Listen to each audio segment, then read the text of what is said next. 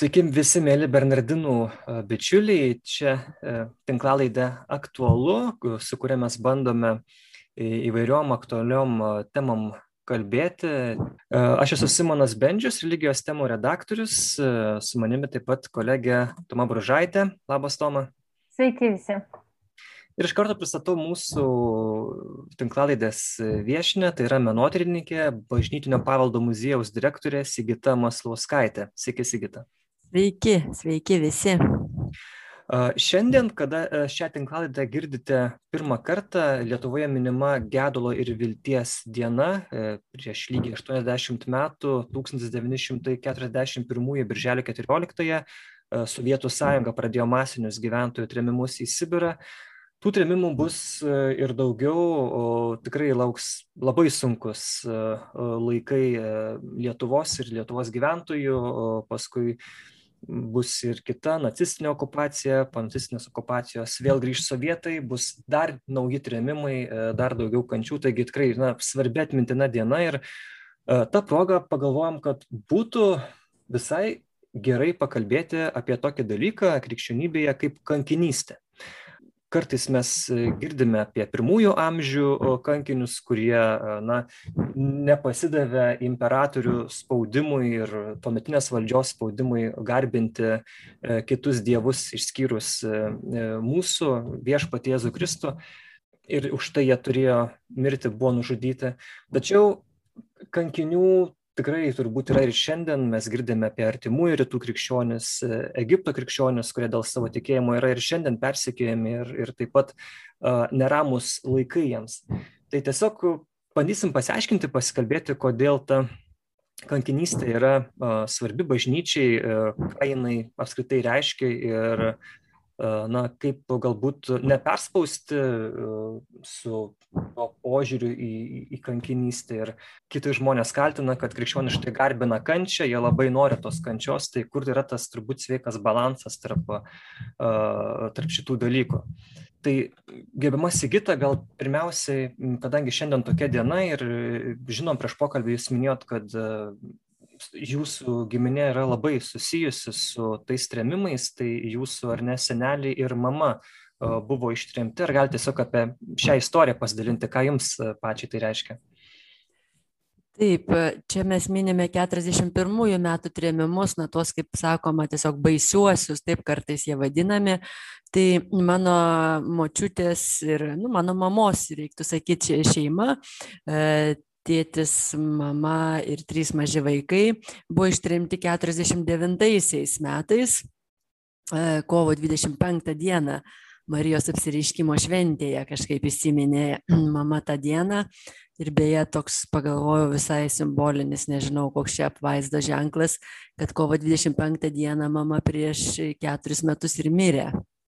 Tai mm E, dabar e, tiesiog e, tas, taip, manau, nepaisant to, kad mano šeimoje 49 metų trėmimai yra labai ryškus ir ryškus visom prasmėm, nuo vaikystės, nuo pasakojimų, nuo to, kad, nu, pavyzdžiui, mano mama e, ypatingai, kaip juokaudavo pati senatvėje, pradėjo vladėti jezikom svaivodėtstva, grįždavo į rusų kalbą dažnai.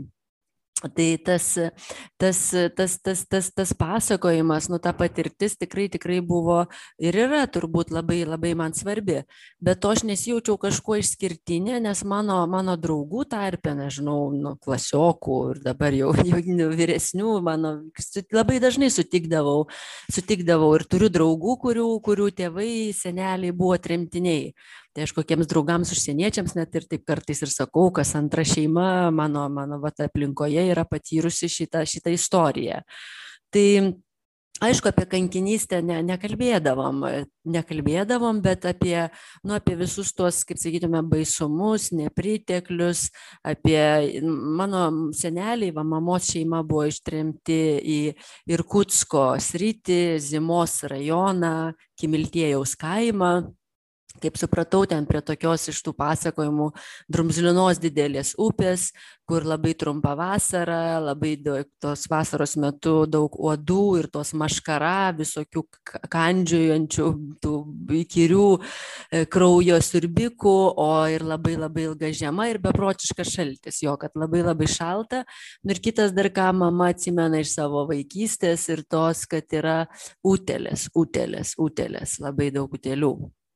Tai va, tai e, tie pasakojimai, bet aišku, nebuvo viskas, nu, taip irgi tikrai jokių būdų neapiešiama apie kažkokią kankinystę, bet apie tai, kad, nu, tam tikras ir toks e, pasakojimuose būdavo pasididžiavimas, kad e, mokyklose ten gal kad pokaris, jo, jos klasėje, tai atė, tiesa, galima pasakyti apie amžių, mama į pirmą klasę nuvažiavo, o sesuo netrukus pradėjo į mokyklą, taigi mano mama baigė devynias klases toje Kimiltėjaus kaime kaime ir grįžo į Traupį čia Anikščių rajone, tai, žodžiu, visiškai nemokėdama lietuvių kalbos ir per du metus ją išmoko, baigė mokyklą Sidabro medaliu, jau panevežyje, vien iš lietuvių kalbos buvo ketvertas. Su sesė rašydavo naktimis diktantus lietuvių kalbą, nu, kad tik tai išmokti tą lietuvių kalbą, nes man atrodė netgi keista, man atrodo, taigi tėvai, seneliai kalba lietuviškai, nu, bet pasirodo taip, lageris, seneliai dirba ištisai kažkur kažkur miškuose ir, ir, ir ten koks ten tas suaugusiųjų darbas, o vaikai tarp savęs kalbasi rusiškai, nes ir mokykloje kalbasi rusiškai.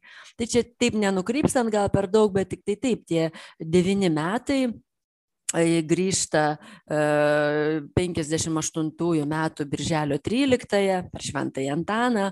Pirmiausia, vaikai paleidžiami, paskui seneliai, tėvai grįžta jau rudeniop. Tai va tas prasideda toks ruošimasis lietuviškai mokyklai. Tai, bet pasididžiavimas grįžtant prie to, nu buvo, kad mano mama sakydavo, kad, nu pavyzdžiui, tos tradicijos išlaikomos, pavyzdžiui, gegužinės birželinės pamaldos, kunigas Stanislavas Kiškis kūdikis ten pasirodydavo kaip pirmos komunijos arba tas toks jau tremtinių evangelizacijos dalykas, kad nebūdavo nu, kažkokių gėrimų lietuvių tarpe, kažkokių ten nevilties tokių apie ar savižudybių ar kažko va to tokio rybinių tokių kažkokių ne, ne, nebūta.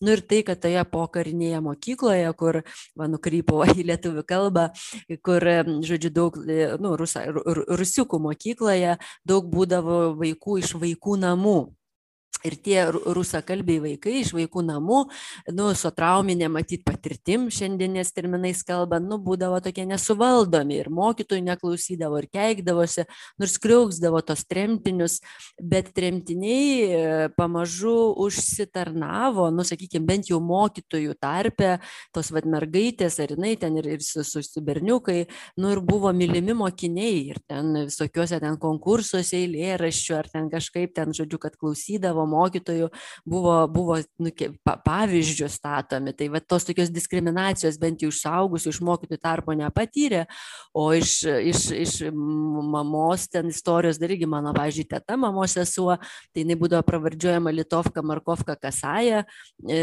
nu, kad žvaira, žvaira, žvairakiuojanti, žvaira ir e, vienintelis dalykas ką jie buvo atsivežę ką ten spėjo nes trėmimas buvo tas iš tų tokių jau tikrai nu ne ne ne nepasiruošus ateina netikėtai ten drebančiom rankom kažką spėja susideda taip toliau taip toliau. Ir močiutė į maišą įsidėjo kelis lurdo žurnaliukus ir mano teta labai kentėjo dėl tos vat pravardžiavimo kad ją taip pravardžiuoja ir atradusi tuos lurdo žurnaliukus žiūri ten lurdo marija. Žodžiu ir jinai meldėsi meldėsi maža mergaitė ir ir ir nebe žvaira tapo stebuklas. Taip. tai va, tai žodžiu, leidausi tos, tos kaip uždavėjai pačią, pačią pirmą natą, nu tos artėjančios birželio 14. Taip, tikrai man tas ta diena prisimenama visada. Ir jo, bet grįžtant prie kankinystės, tai... Aš dar tik kaip... paklausiu trumpai, mm. už ką buvo ištremta jūsų šeima? Tai už tai, kad turėjo žemės. Už tai, kad turėjo žemės čia, mhm. Panevežio kraštas, ten e, nedaug ten to žemės, tiesą sakant, šiandieniniais e, ūkininkų žiūrint žvilgsniu, neatsimenu, ten yra tarp 20 ir 30 hektarų tos žemės mhm. buvo, tik tai tiek, bet jau skaitėsi buožės ir buvo, buvo, bet, nu, tikrai ir nei kažkokie ten, kad irgi taip pagalvojus, tik, žinau, mano kaip tik tėčio šeimoje buvo daugiau vat, su partizaniniu judėjimu susiję, bet kažkaip pavyko jiems išvengti tremčių, o, o nu, tik nušautas ten buvo senelio, močiutės tai yra brolis, o mamos šeima buvo tokia, taip, rami ūkininkų šeima, bet, mhm. bet tas, tas užkliuvo. 49-aisiais ištremti ir 58-aisiais birželį grįžo vaikai, paskui tėvai. Taip, ir buvot užsiminusi jau, norėt apie kankinystę, turėtum minti jau. Mhm. Tai mm, taip, e, kad tai, žodžiu, nu kaip kankinystė gal man pačiai buvo kadaise svarbu sužinoti, kad žodis martyrija, e, martyrijum yra graikiškos kilmės ir kad ta savoka reiškia liudijimas liudijimas, paliudyti. Tai ta, e, tas ypatingai jau žiūrint į bažnyčios istorijos žvilgsniu, tai antrasis amžius, e, krikščioniškiai persekiojimai, krikščionių persekiojimai, e, bažnyčia, krikščionių bendruomenė netokia jau ir maža, bet yra pogrindyje. Ir yra tas vat būtent e, nu vat taip ir susiformuoja ta sąvoka kaip mes dabar suvokiame kad būtent paliudyti kristų paliudyti savo gyvenimu bet ne kažkaip atsitiktinai ne ne vat kad na e, bet bet ne dėl ne dėl to kad miriau ir pra praliejau kraują bet būtent nu aiškiai konceptualiai išreikšti tą tikėjimą.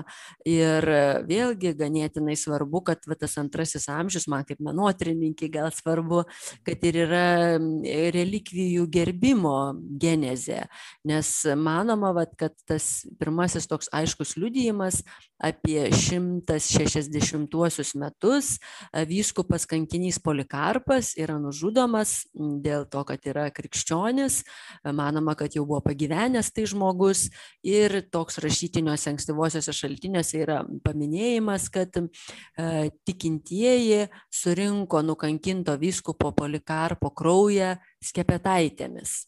Tai va toks pirmasis relikvijų gerbimo judesys senesnis beje už atvaizdus ikonos ir apskritai ikonografija atsiranda dar beveik už šimto metų šiek tiek mažiau trečiojo amžiaus pirmoje pusėje. Tai va tai čia ta ta tokia vat istoriniu žiūrint žvilgsniu tai tikrai e, tikrai turim va tą antrąjį amžių kuomet yra kankinystė ir mirtis dėl kristaus ir šventųjų gerbimo, šventųjų kulto, relikvijų gerbimo gimimas, genezė. Na va, ir toliau, aišku, žiūrim, ką, ką, ką sako bažnyčia, ką sako katechizmas, ką sako bažnyčios mokymas, teologai, e, kad na, tas šventumas kankinystėje tampa e, tokiu kaip ir Dievo malonės įgalintų ir pasiektų na, būtent tiesiog regimo ir man atrodo jau nuo trečiojo amžiaus Klemensas Aleksandrietis kankinystėje priskiria ir tokias, nu, tokias savokas kaip nuteisinimas, nuodėmės nuplovimas, kartais tas kankinystė taip lyginama net su krikštu, kankinystės kraujas, na kaip nuplaunantis, toks viską perkeičiantis tai vat tiek simonai kiek kiek nebūdama jau tos srities specialistė bet apie martirologiją apie kankinystę iš savo gal tokios menotyrinės daugiau tribūnos taip matau. O kita vertus kas kas gal irgi žmonėm va mums čia lietuvoj gyvenantiems na nebūtinai ten taip jau ilgesingai žiūrėti į katakombas nes pavyzdžiui kad ir mūsų tokios jau katakombos vilnietiškos tai švento kazimiero koplyčia na šventasis kazimieras atrodo karalaitis ko prie ko gi čia kankinystė bet jau jo kanonizacijos procese kanonizacijos byloje jis vadinamas nekruvinuoju kankiniu. Taigi kiekvienoje kiekviename laike bažnyčia tas ir galų gale ir šventumas ir pati kankinystė nu jinai turi būti ne kažkokia kankinystė dėl kankinystės bet aktuali arba tas toks nuvalkiotas žodis aktuali nu kaip čia geriau pasakius, nu, svarbi, bylojanti ar aiškiai kalbanti to meto bažnyčiai ir bendruomeniai. Tai pavyzdžiui, Švento Kazimiero bekompromisinė laikysena, nedvigubi standartai, plaukimas prieš srovę, nesutikimas, nepasirašymas matiems dvaro ritualams, dvaro papročiams, dvaro, dvaro, nu tai yra visiškas, visiškas, nu, visiškas toks nekrūvinojo kankinio elgesys, kaip sakoma, va štai netgi ir, ir kainavęs jam jaunam karalaičiui gyvybę tai arba vėliau va jau mes matome septyniolikti du tūkstančiai septyniolikti metai nes tiek lietuvos tikintieji tikrai turbūt stebėjo palaimintojo teofiliaus matulionio beatifikaciją ir ir ten irgi buvo šitas terminas minimas. Na o e, keliaujantiems e, piligriminiais ar turistiniais tikslais po Lietuvos bažnyčias, tai apstu apstu ikonografijos altorių atvaizdų relikvijorių.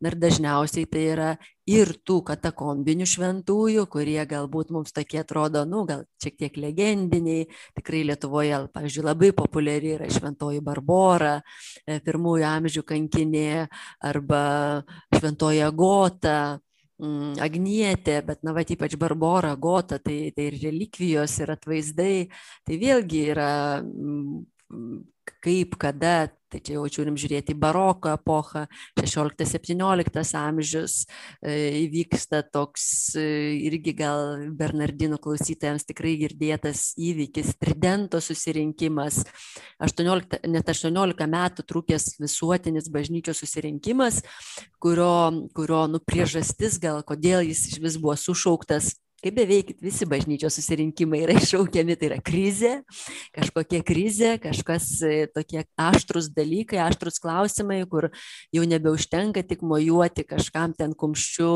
ir diskutuoti su, su, su oponentais, bet jau reikia imtis ir kažkokių vidinių reformų, klausti savęs e, savęs, katalikams, kur mes einame, kas mes esame, ieškoti Tai va, tridento susirinkimas labai svarbus yra toje protestantiškosios reformos šviesoje įvykęs ir Na ir tas 18 metų vykęs 1548-63 metai ir iš karto po šio susirinkimo 1578 metais, gegužės 31 dieną, netgi yra data, buvo atrastos katakombos Romoje šalia Vija Salarija, vynogynuose ir atradus šias katakombas netrukus ir šventosios prišilės katakombas.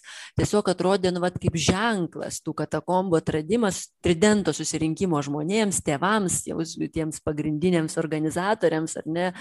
Atrodė nu vat kaip ženklas kad katalikų bažnyčia teisingu eina keliu ir šventųjų gerbimas ir kankinių gerbimas ir tas toks kaip atfontės žiūrėjimas į praeitį. Tai vat o štai atrastos katakombos ir yra tiesiog nu, e, toks kyla sprogimas pamaldumo šventųjų kankinių relikvijoms ir jos pradedamos vežti, gabenti šventieji kūnai, taip vadinamieji korpisanti, iš Romos netgi į Lietuvos didžiąją kunigaikštystę, į Vilnių. E, ir nu, čia irgi prasideda va, tas toks atgimimas, su, sužydėjimas tiek, tiek ikonografijos kankinių, tiek šventųjų relikvijų gerbimo. Mhm. Aš tai dabar norėčiau pasitikslinti, jau atėjo metas. Um, mes kalbam apie kankinius, bet e, neišvengiamai minim šventuosius ir dar štai atsirado toksai nekraujo kankinystė ir norėčiau iš tikrųjų truputėlį e, pasiaiškinti, e, ar yra čia skirtumas ir kom skiriasi, nes yra kai kurie bažnyčioje kankiniai, kurie neturi šventojo kaip statuso ir atvirkščiai yra šventieji, kurie neturi kankinio statuso. E, tai ka, kas čia vyksta? E, kodėl, kodėl čia yra skirtumas ir koks tas skirtumas čia yra? Mhm tai aš gal kad nebūčiau labai kokia paskaitininkė tiesiog pasipareklamuosiu e, gerbiamiems bernardinai lt klausytojams. Tokia knyga nestora labai gerai paskaitoma randama mano bibliotekose. Tai tikrai jeigu knygynuose jau nebe šventieji vyrai šventosios moterys Aidų leidikla išleidusi prieš gal dešimt metų šią knygą ir ten yra, nu, pradedant Irenos Vaišvilaitės straipsnių, Mindaugas Paknys, Liudas Jovaiša, nu, visi žymiausi mūsų bažnyčios istorikai rašo ir apžvelgia, bet ir ką, pavyzdžiui, klausi dabar Toma, tai man atrodo, Irenos Vaišvilaitės yra tokia mhm. istorinė apžvalga apie tai, kaip atvyksta, nu, žiūrint ir per tokią prizmę, kaip ten bažnyčia, katalikų bažnyčia jau reglamentuojama tai, kas yra šventasis šventasis, kas palaimintasis ir, ir kokiu laiku visas tas, taip sakoma, susistiguoja, ką mes dabar vartojame.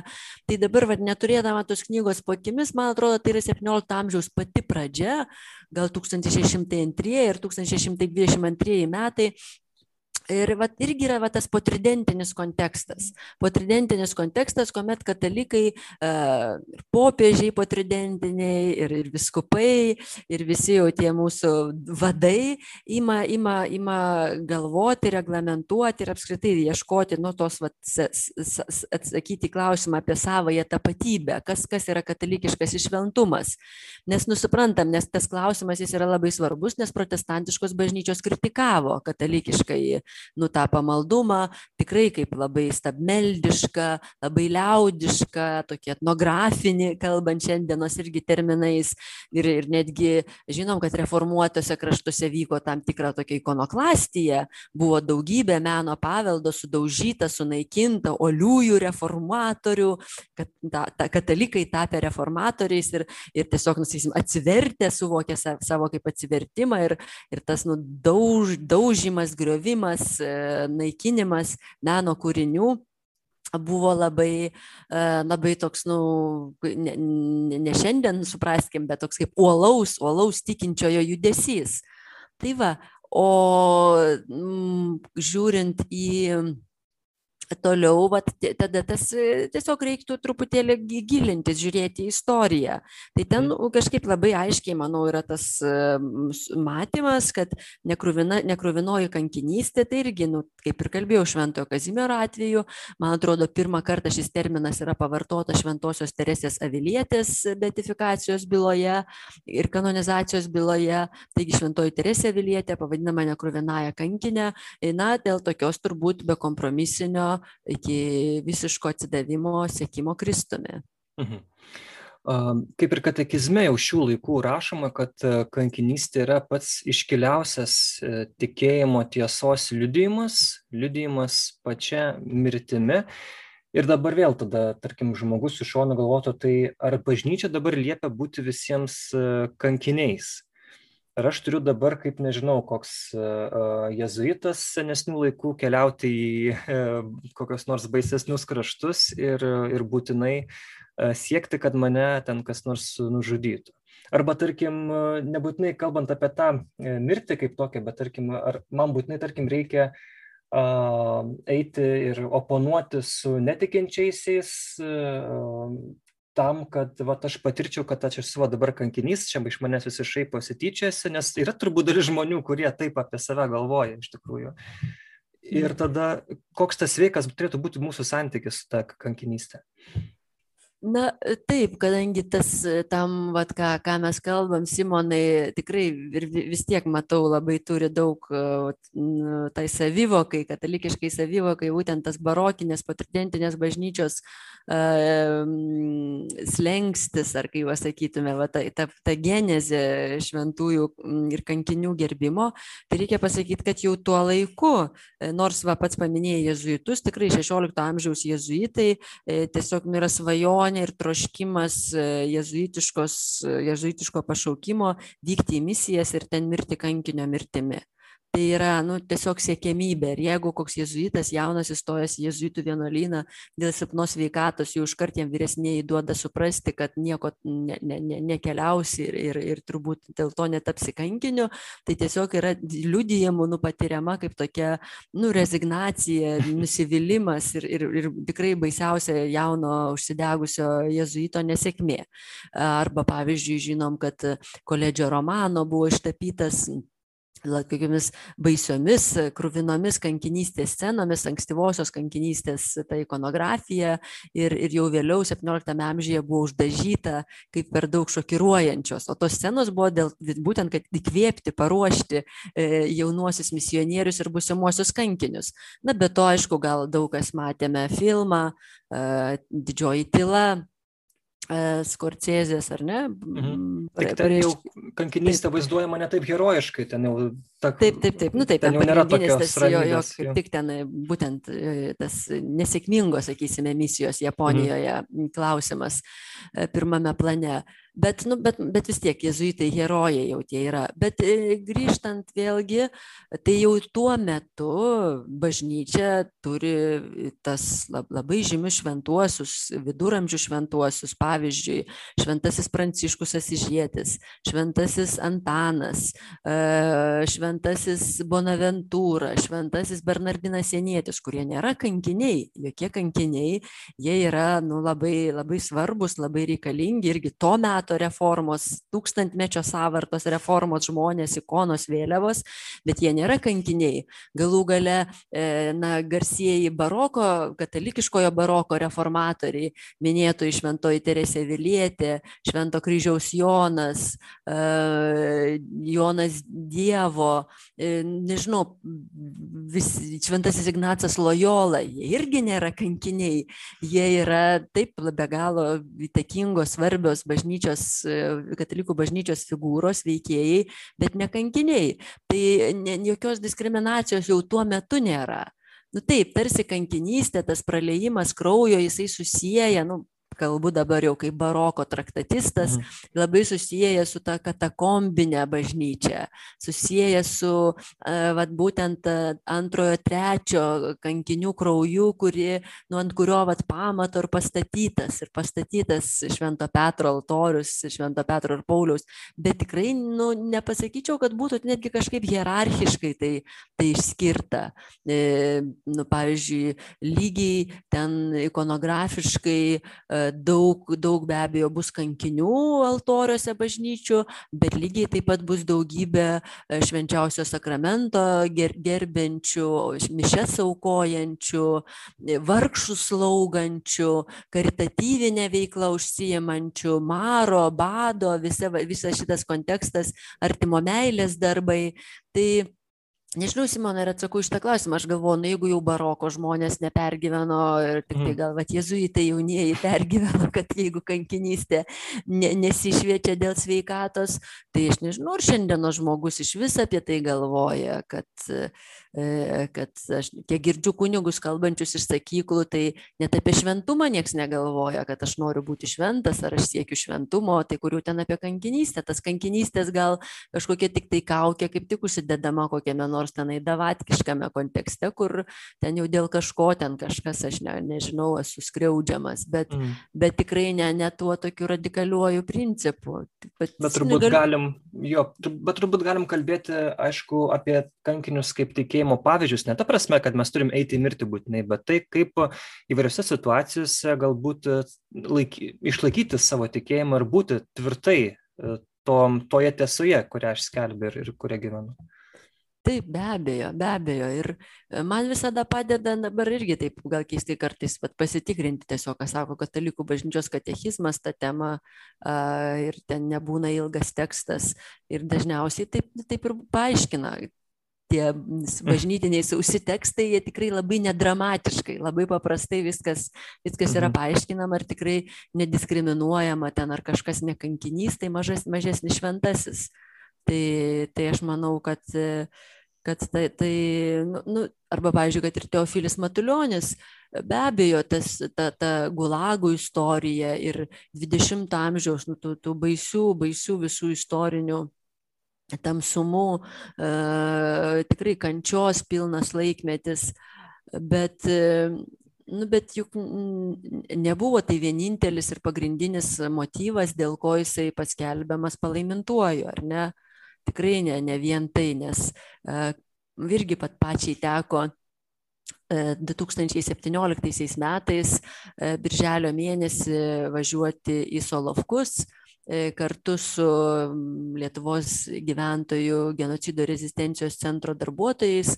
Ten kiekvienais metais, rūpiučio penktą dieną, yra minima tokia didžiojo teroro diena, Ir e, jau 17 metais ten buvo sunku minėti tą terorą, jau ta putiniškoji politika jautėsi savo, ten buvo geležinė ranka iki Solovkų nutiesusi, bet, bet nieko įmanoma. E, bet aš manau, šiais, šiais, šiais laikais čia šiais, šiais dar sunkiau. Tai ką noriu pasakyti, nu ten, ten va, tarsi, tarsi taip matulionis buvo mūsų tikslas ir, ir, ir aplankyti tuos kalėjimus, tas salas baisesias, bet matai, kad ten vis visa, visa, visa ta Karelija, nu, nuo, nuo Medvežegorsko iki, iki būtent Solovkų yra didelės kapinės, vien, vien kapinės, vien kankiniai.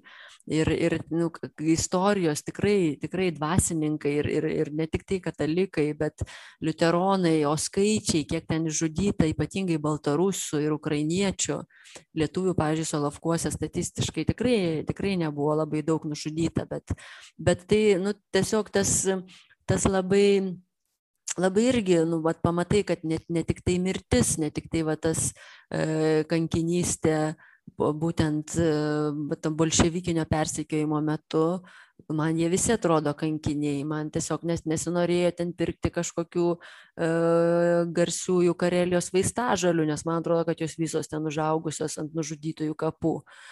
Bet, bet šiaip vis tiek supranti, kad, na, jeigu jau kanonizuotas bažnyčios yra vienas kitas, tai iš mūsų, iš mūsų tarpo Matuljonis. Beje, parsivežėme ir relikviją iš Solovkų, Matuljonio relikviją, aišku, turbūt antrinė, tretinė, ar kaip reiktų pasakyti, bet irgi žiūrint relikvijus pamaldumo kontekste, tai galima tai vadinti. Solovkuose 17, 2017 metais e, pilnu tempu vyko e, ten esančių stačiatikių vienuolynų, kurie tai baisiojo to bolševikinio persikimo metu buvo kalėjimai, dabar ten yra sugrįžę vienuoliai ir vienuolynų restauravimas, e, atstatymas ir sakoma, kad ten Putinas labai remia tas tos restauravimus ir statybas, nes vis dėlto aišku, tas ortodoksų bažnyčios draugystė su, su, su, su, su oficialiaja valdžia jau nuo Bizantijos laikų ranka rankon yra, bet noriu pasakyti, kad ten jie restauruoja ir atstatinėja tos vienuolynus, na tikrai nežiūrėdami apie jokią ten istorijos filosofiją ar žvilgsnį ar taip toliau, žodžiu, grotos, kalėjimo visokie tributai, visokie baisiausi persekiojimų, tie, tie artefaktai yra metami į metalo laužą ir išvešami konteinerius, stūkso tokios krūvos šiukšlius su ką tik čia vad buvusiom grotom. Tai vienas tokias grotas mes pasiėmėme ir laimingai parsigabenom į Lietuvą. Ir jos dabar yra Birštono sakralinės dailės muziejuje, kur didelė ekspozicijos dalis yra skirta Matulioniui. Tai nesakau, kad tas grotas lietė Matulionio ranka, bet, bet vis tiek tai yra iš tos vietos ir laisvai galėtų būti tretinė ar ketvirtinė relikvija. Oho tokiam pasakojimui ir, ir pažinimui e, svarbu, man atrodo, pamatyti vaizdą, ne, kas tas vaizdas yra e, tai, kas sukelia kažkokį na, įsivaizdavimą, kas padeda įsivaizduoti, kaip tie žmonės mes gyvena. Bet tam e, jūsų pokalbėje man užkliuvo viena tokia mintis ir, ir man atrodo, kad čia to, š, suaktualinant tą kankinystės temą ar, ar kažkaip tai problematiškiau pasiž, pasižiūrinti ją yra svarbus momentas. E, kas yra toji kankinystė? E, e, tokia buvo gera mintis, Sigita užkabino, kad šiandien mes dažnai iš save priskiriam kankiniams, tada, kai mus kas nors skriaudžia. Sakom, kad šių, šių laikų kankiniai ne, yra, yra tie, kurie, nežinau, jaučiasi diskriminuojami ar neišgirsti, ar kažkaip tai palikti. Na, Žmonų įvairiai. vyrai yra kankiniai didžiausi. Jam dangus jau pažadėtas.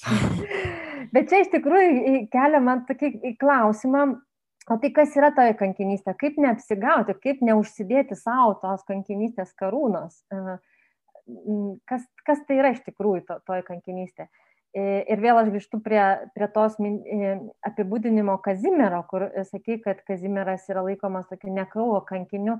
Tai žmogus, kuris na, stovėjo, principingai stovėjo už savo tikėjimą įvairiose gyvenimiškose situacijose, aš galvoju, sakyčiau, kad, nu, tiesiog šventas žmogus, ar ne, mums beveik visiems taip, taip tenka vienai par kitai, na, ne, ne tai, kad šventais būti, bet turim progų. Jo, kartais. Mhm. Truputėlį pašventėti šiek tiek, ar ne? E, tai, va, tai vėl, aš, man atrodo, vėl grįžtu prie to, savo to paties klausimo, ne, bet matyt, dar ne iki galo radus atsakymą, kas tai yra kankinystė ir kaip netyčia neužsidėsti tos karūnos šiandieną. Mhm. Taip, taip, tai aš, aš irgi to man neturiu atsakymo. Aš tiesiog, man atrodo, paimtume dabar statistiškai ten šimtą tūkstančių kankinių katalikų bažnyčios ir pradėtume juos ten kaip nors nagrinėti, tai aš tikrai garantuoju, kad iš to šimto tūkstančio nerastume nei vieno, kuris galvoja, vad dabar aš esu kankinys. Mhm, mhm, Arba vad dabar mane jau čia skriaudžia ir aš esu kankinys. Nu, tai tikrai beveik galiu garantuoti, kad nėra jokios menkiausios procento tikimybės, kad, kad tai būtų.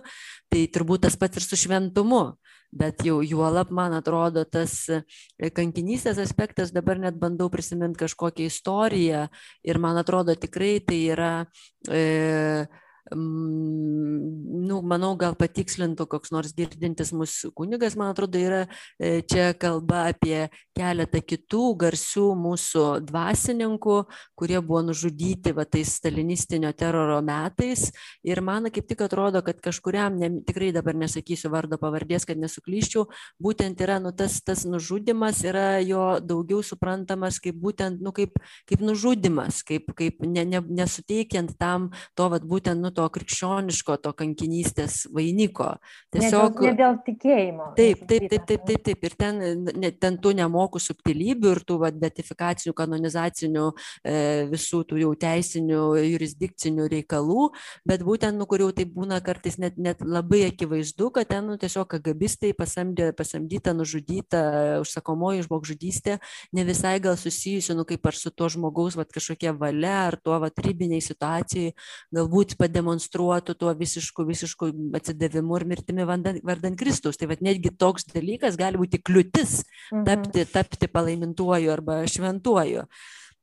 Tai toks, e, toks mano, mano vat, būtų atsakymas į, į šitą vėlgi turbūt atvirą klausimą arba, mhm. arba geriau išmanančio žmogaus reiktų, kad į tai atsakytų. O grįžtant prie Švento Kazimiero, tai vėlgi man daugiau uh, Šventą Kazimierą aš jį pažįstu per jo amžininkų, o gal netgi dar daugiau vėlesnės kartos, po jo gyvenusios kartos, kurio, kurios, kurioje jis buvo ypatingai gerbiamas ir tas va, šventumo garsas ir sklido ir bažnyčios bažnyčios ir altoriai, ir knygos, ir raižiniai, ir paveikslai, viskas buvo apie jį ir jam daroma. Tai ten yra vat, būtent tas e, šventojo Kazimiero pavyzdys ir toji nekruvinoji kankinystė, kaip sakiau, jinai labai yra aktuali tam laikui, ta prasme, kad dažniausiai apeliuojama ir kalbama apie šventąjį Kazimierą, kreipiantis į kilmingus krašto vyrus. Mm į politikus, kalbant mūsų terminais. Mhm. E, nes tai yra ta, ta vat, būtent e, sluoksnis, socialinis sluoksnis, grupė, kurioje nu, nuolat yra dvigubi standartai. Tai yra normalu, tai yra privalu netgi kartais. Ar diplomatija, plaukimas pasroviui, daly ir viena ranka taip, kita taip. Nu, tikrai geriausia gal įvardinti tas dvigubi standartai. Tai pavyzdžiui, jezuitų aplinkoje 17 amžiuje Šventasis Kazimieras tikrai yra jezuitų vėliava mūsų kraštuose, netgi išvest, išnešta iki Niderlandų Niderlandų ir Italijos, tų pačių jezuitų, tai jie kreipdamiesi į tuos kilmingus krašto vyrus, ar tie vyrai būtų LDK, ar būtų Neapolyje, ar būtų Palerme, ar būtų Achene, tai yra ar Mechelene, tai kreipdamiesi į juos būtent įdeda šventąjį Kazimierą, tos tokios vadovėliai, edukacinė literatūra skirta jauniesiems karalaičiams, princams, diplomatams, įdeda šventąjį Kazimierą ir kalba apie jo, na, va, tą bekompromisinę laikyseną ir plaukimą prieš dvaro spaudimą, atsilaikymą spaudimui.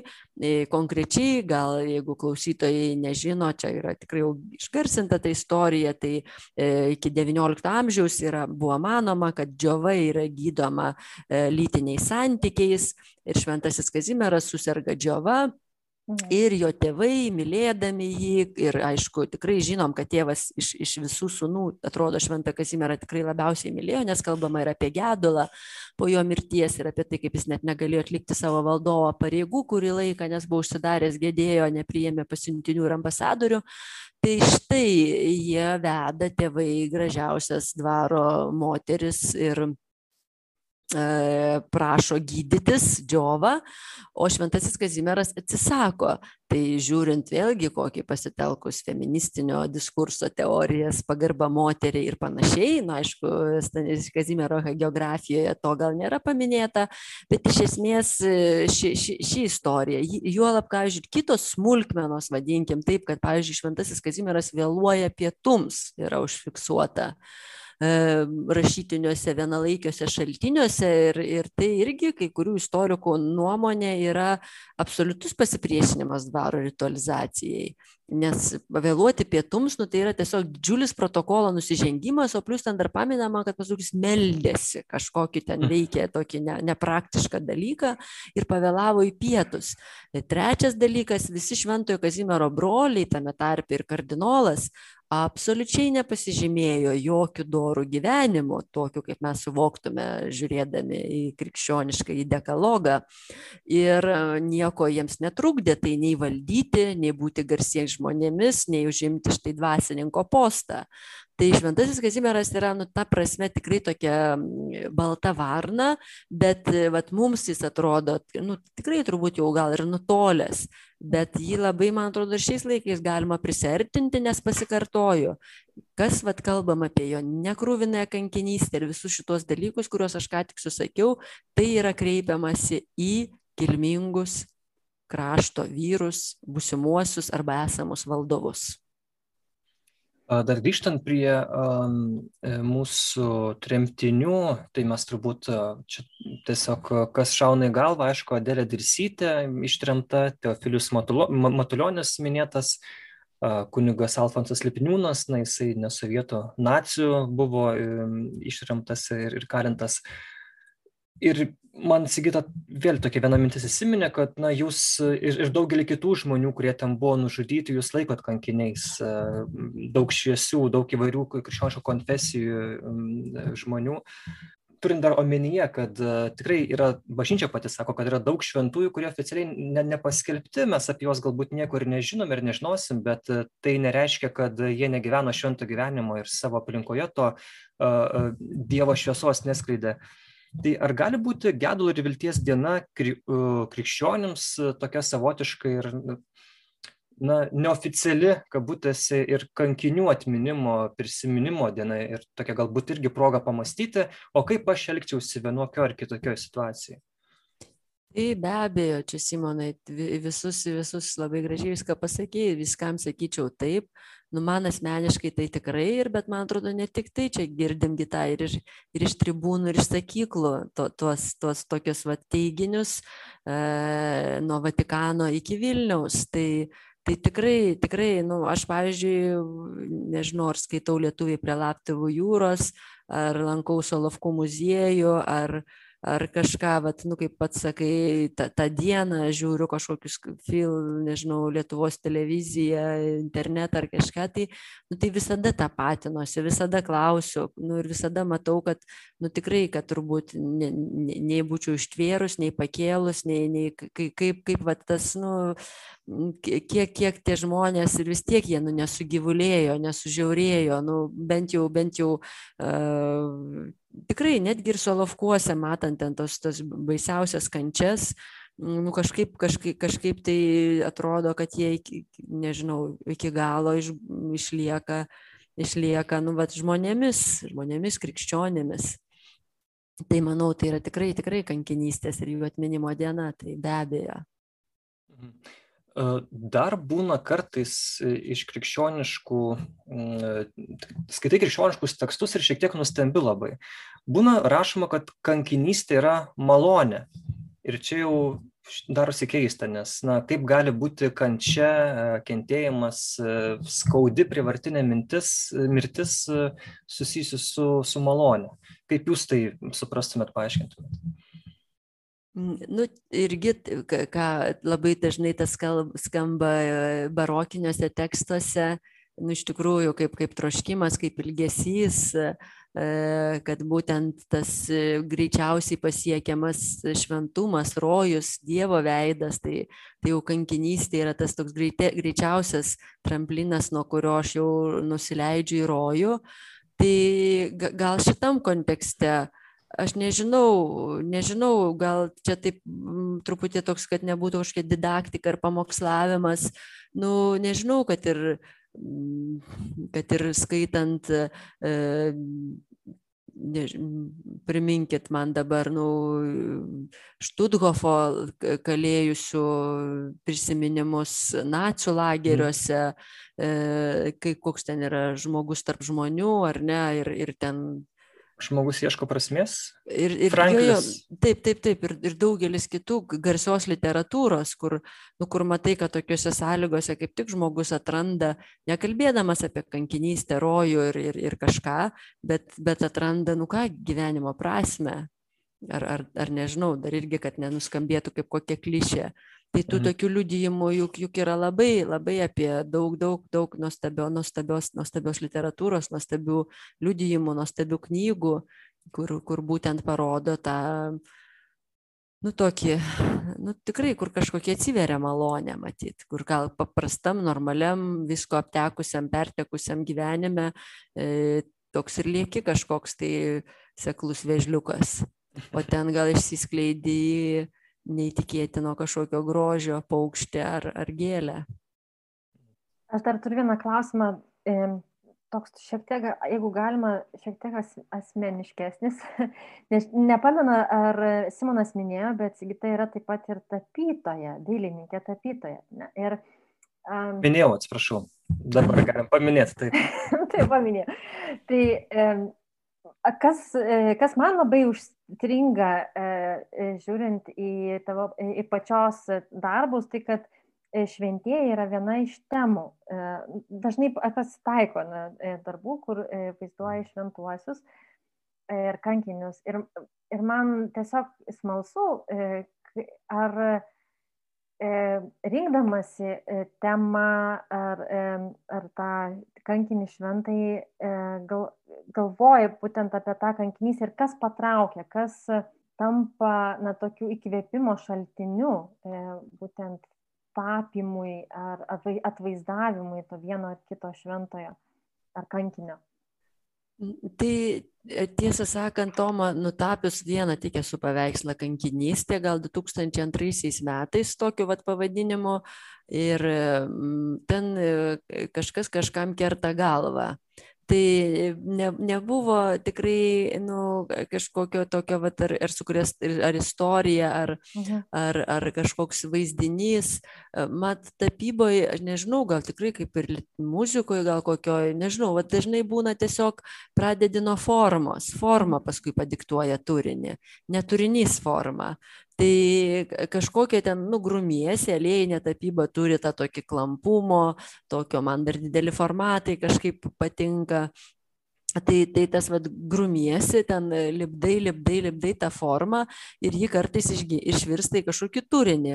Tai kad taip, kad pastaruosius dešimt metų vis, vis dažniau pasirodydavo krikščioniškas turinys, tai aš manau, tam turi įtakos, e, nu, krikščioniška ikonografija, kuri yra mano darbas, mano kaip menotyrininkės. Tikrai aš ir, ir mhm. dėstau, ir muziejuje aprašinėju, ir, ir, ir katalik parodas kūruoju. Na vis tiek ikonografija yra toks jau pagrindinis kaip nežinau, kokiam filologui gal būtų kokia nors teksto analizė, tekstologija.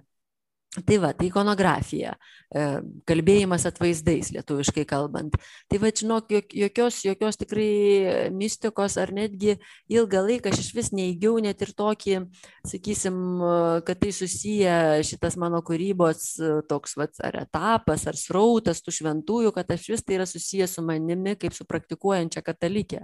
Mhm. Visiškai tą neįgiau, nes tas klausimas dažnai kildavo ir sakydavau, kad apskritai tai net jeigu ir paveikslas ir turi ten pavadinimą šeimyna ir galbūt jis panašus į kalėdinį vaizdą bet tikrai aš pirmiausia nusipiešiau savo draugę kur ant kurios kelių sėdėjo vaikas o šalia sėdėjo jos tėvas. Ir čia nebuvo jokių dalykų tiesiog man pačiai labai patinka kad tas šeimos vaizdinys arba tas vat senelis ir mano draugė ir tada vos ne jau trys karaliai ar juozapas ar kažkas žodžiu yra tos tokios schemos o žodis schema tai nėra neigiamas yra tokia nu irgi kaip kompozicija arba kaip muzikoje, ar ne, kas nors išgirsta, o, fa mažoras tenai, ar le minoras. Mhm. Tai čia irgi yra, nu tie, kas kažkas ikonografijoje, mūsų krikščioniškos ikonografijos rytyje skamba, toks yra skambėjimas, vad klasika.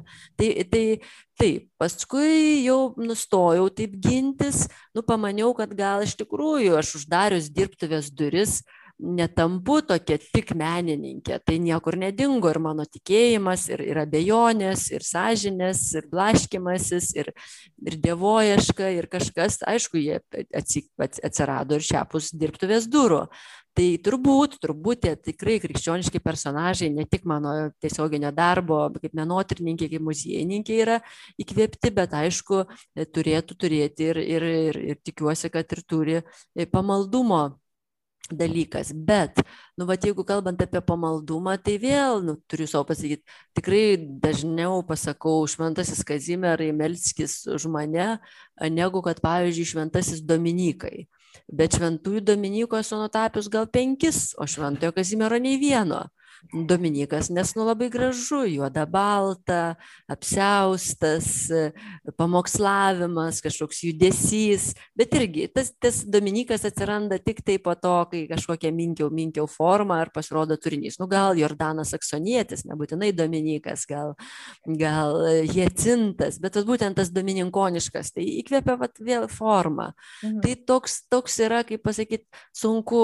sunku atsakyti. Nu, vis tiek turiu tokią nusikalusią savo jau tokį e, paguodos, tokį, ne, ne, ne, ne paguodos, nu, bet tokį kanoninį savo atsakymą į klausimą apie meninę raišką ir tikėjimą, nu, kad meniniai raiškoj, toj tapybiniai savo raiškoj, taip, taip, aš ieškau santykio bet su kuo santykio? Taip ir su dievu bet ir su savim ir su pasauliu ir su artimaisiais. Tai kad ir tapau medį ar tapau dominyką vis tiek ieškau to to santykio santykio. Bet krikščioniška ikonografija nu nu ji ji visai visai dabar e, gal net ir daugiau jos atsirado mano gyvenime dar ir dėl to, kad pati, pati pradėjau savo prieštarauti, nes visą laiką irgi sakydavau, kad nu šiais laikais nebeįmanoma nutapyti šventųjų, kad šiais laikais irgi mes esame nekartą diskutavę ir Bernardinų plotmėje apie tai, kad nu ką daryti, kad gražus nes šventas, šventas bet negražus, nemeniškas, nu atsimenat, ta, ta tokia va diskusija, pamaldumas menas, vertybė, nevertybė, ką daryti, tai čia jau į tai nenukrypstant, tai kartais net dabar gal jau daugiau, čia vakar pandemijos metu atsirado tų šventųjų, nes, nu, pagalvoju, nu, jo, nu, neįmanoma, bet dar pažiūrėsiu, nu, neįmanoma, bet dar palankysiu. Bet tiesą sakant, labai saugu, nes vis tiek tie šventieji ne altoriams skirti. Tai čia tokio, turiu, mhm. turiu tos saugiklius, kur gali tikrai, nes jeigu jau reiktų stovėti prieš kokį užsakymą, ten bažnyčios altorių, tai nežinau, kaip, kaip tai, kuo tai baigtųsi. Greičiausiai niekuo. E, bet, bet tiesiog to, manau, toks būtų mano atsakymas klausimas. Ačiū, ačiū labai. Čia irgi, man atrodo, irgi įdomi, įdomi prieiga, nes irgi tokia yra klišė, kad jeigu jau, jau kas nors tapo kažką su religija susijusiu, tai labai yra išmastyta, ta prasme, kad, na, atvirkščiai, turinys pirmą, paskui kažkaip įsivilkamas į formą ir, ir taip turi būti savotiška klišė ir, ir, ir tokia, vat, dailininkai. Man tikrai atvirkščiai, tikrai atvirkščiai. Tai va, būna ir taip, tai labai gerai. Mes galim po truputį jau eiti link pabaigos mūsų tinklalaidės. Dar tokį klausimą turėčiau Sigita. Irgi kai kurie krikščionys sako, kad laukia galbūt nauji persiekėjimai ateityje, nes komunizmas kaip toks jis niekur nedingo ir yra tikrai didžiosios kelios pasaulio valstybės, kurios tą komunizmą toliau propaguoja. Na, viena iš jų grėsmės geopolitinės jos taip pat yra ir ir krikščionybė turbūt irgi, aišku, praranda tam svorį, koks jis buvo, tarkim, gal ir prieš šimtą ar kelius šimtus metų. Ir, uh, ir toks turbūt pesimistinis vienas iš scenarių, kad uh, krikščionių tokių praktikuojančių vis mažės, mažės, mažės. Ir uh, ir visuomenėje įvairios normos bus tokios, kad tiesiog krikščionim teks natūraliai tiesiog protestuoti, prieštarauti ir galbūt netgi ir paukoti savo gyvybės, kaip, kaip šiais laikais artimuosios rytuose daž, dažnai būna. Kaip Jūs pati galvojat, bus toks scenarius, ar ta, nežinau, aišku, ar, ar dabar reikia jau krikščionim iš anksto, kaip tiems jezuitams, kankinių stenas mėgamosiose klyjuotis, bet... Ir ruoštis. Ar, ir ruoštis, jo. Ką, ką Jūs manot? Oi simonai va kol klausei šito klausimo visokie skrid sklandė mano galvoj ir ir kristaus žodžiai nebijok mažoji kaimenė ir Mhm. popiežiaus benedikto ratzingerio tai yra sąž pasakyta mintis kad tikrai nu bažnyčia e, persikels į afrikos ir e, azijos kraštus tas kaip sakysim kiekio prasme tikrai jau kad baž europoje jis menksta ir visiškai visiškai bus išnyks ta sakysim ta gy gyva bendruomenė. Nu vat visokie sklandė sklandė tokie prisiminimai pavyzdžiai. Aš nežinau mes kartais su draugais padiskutuojam nu vat ar numirtum už kristų ar ar vat mirtum tai jeigu taip labai labai nuoširdžiai pažiūri į save sąžiningai ne iškart atsakai taip taip eičiau mirčiau. Nu vat yra tas tas dalykas kur taip nu reikia reikia sau prisipažint kad kad gal ne tikrai ne ne bet bet nu irgi vėlgi tas bijoti laukti ir ir įsivaizduoti kad čia tuoj užpuls priešai nu irgi jokiu būdu nėra tais tai kažkaip nei nei sveikintina nei krikščioniška.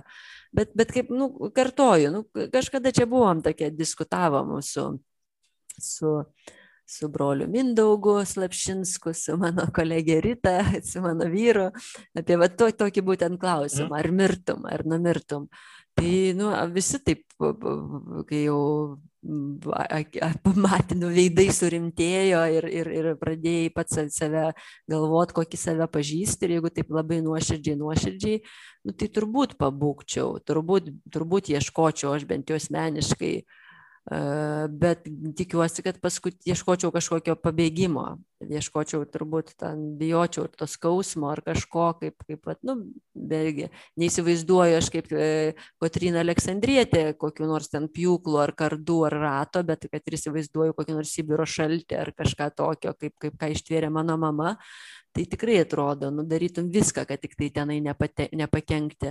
Nu, bet kažkaip tikiuosi, kad Dievas nu, neleistų jau tapti išdavykė ir kad duotų kažkas, nu, Dievas turbūt duotų tos stiprybės galiausiai pasirinkti teisingą kelią, bet kad pats žmogiškos to savo prigimties aš pati, kalbant jau vienaskaitas pirmoji asmeniu, tai tikrai negaliu pasakyti, kad taip, taip, taip, aš, aš pirmoji eičiau į gulagus. Tikrai to nedrįščiau pasakyti. Aišku, Kristus sakė, jog bus su mumis per visas dienas iki pasaulio pabaigos ir kad net pragaro vartai nenugalės bažnyčios. Tai klausimas, aišku, kaip, kaip, kaip mes patys konkrečiose situacijose, kiek mes. Bet turbūt irgi vienok tu atrodo gali galvoti, kad štai tada tu čia ruoškis, nesiruošk, bet tiesiog tu, na, gilinkis vis labiau į savo tikėjimą, turėk tuos atsakymus, daug, daug melskis, bet atėjus išbandymo metui visko gali būti. Ir atvirkščiai, tarkim, žmogus, kuris, tarkim, skistai praktikuoja tą tikėjimą, bet atėjus kažkokiai tai krizai, jisai jame gali taip sužydėti tas tvirtumas krikščioniškas ir išsiskleisti, kad turbūt iš anksto gal negali taip apie save kalbėti, kad aš galėčiau arba aš negalėčiau. Dar atsimenu, va, gal vieną tokį visai irgi iš vaikystės pavyzdį. E, geografijos ir piešimo kažkaip buvo vienas mokytojas, toks tikrai jaunas olus kagabistas, mes tokioj Vilniaus sostinės mokykloje, tokioj ten jau labai angažuotoj, tokioj, vad, buvom sovietiniai ir jisai kažkaip matyt patyręs, nu, dar tokia buvo iki komjaunuolinio amžiaus, bet nebuvau komjaunuolė, šiaip ten irgi pasisekė, ne dėl to, kad buvau drąsi ar kankinė, bet tiesiog keli buvom bendraminčiai ir šeima palaikė, tai čia dabar jau galiu didžiuotis, bet tikrai nebuvo. Esmė, kad jis kažkaip pajuto, kad aš esu matyt toks kažkoks tikinti žmogus ar kaip, nors apie tai nekalbėjau ir mane privertė, aš vad kaip dabar prisimenu, privertė nupiešti e, inkvizicijos deginamą žmogų inkvizicija. Nu, žodžiu, mhm. bažnyčia, inkvizicija ir dega žmogus.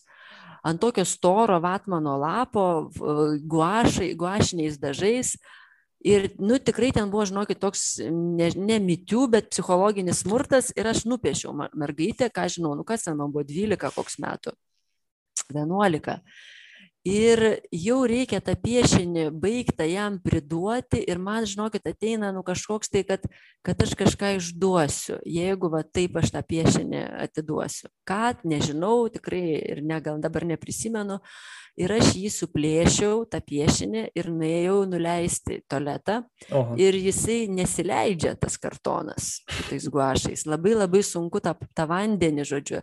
Ir aš ten grūmiausi grūmiausi ten tame tame tualete žodžiu visas tas toks siau siaubas. Nu šiaip ne taip nuskandinau didelį tą vatmano lapą suplėšytą.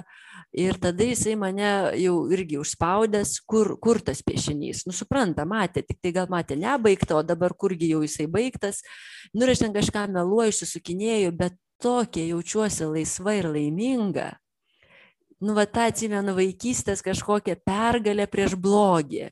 Arba net ne prieš globį bet vat prieš kažkokį tokį nu dvigubus standartus savo savyje. Mhm. Tokia buvau laiminga ir pasišokinėdama grįžau namo ir net kažką močiutei pasakojau. Nu jinai ten nelabai man atrodo suprato tos dramos kokią ten išgyvenau. Piešinys piešinys paskui suplėšė bet vaikeli į komjaunimą neįstoja a, tai gerai tada.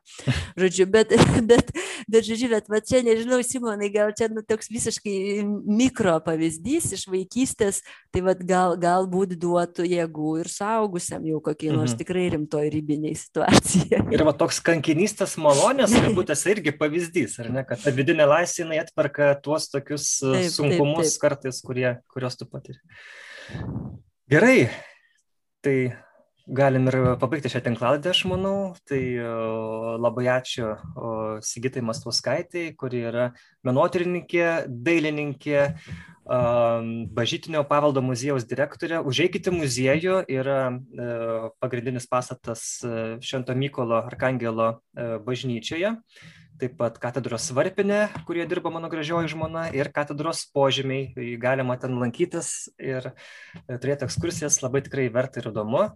E, Tomo Buržaitė taip pat buvo kolegė mano. Ačiū labai Simonai ir tau už laidą. Tai va, aš buvau ačiū Simonas, simonai ačiū Sim- ačiū toma tikrai e, aš Simonas Bendžius, atsisveikinu su jumis ir kviečiu toliau skaityti, žiūrėti ir klausytis Bernardinų. Taigi gražių jums vasaros dienų. Iki.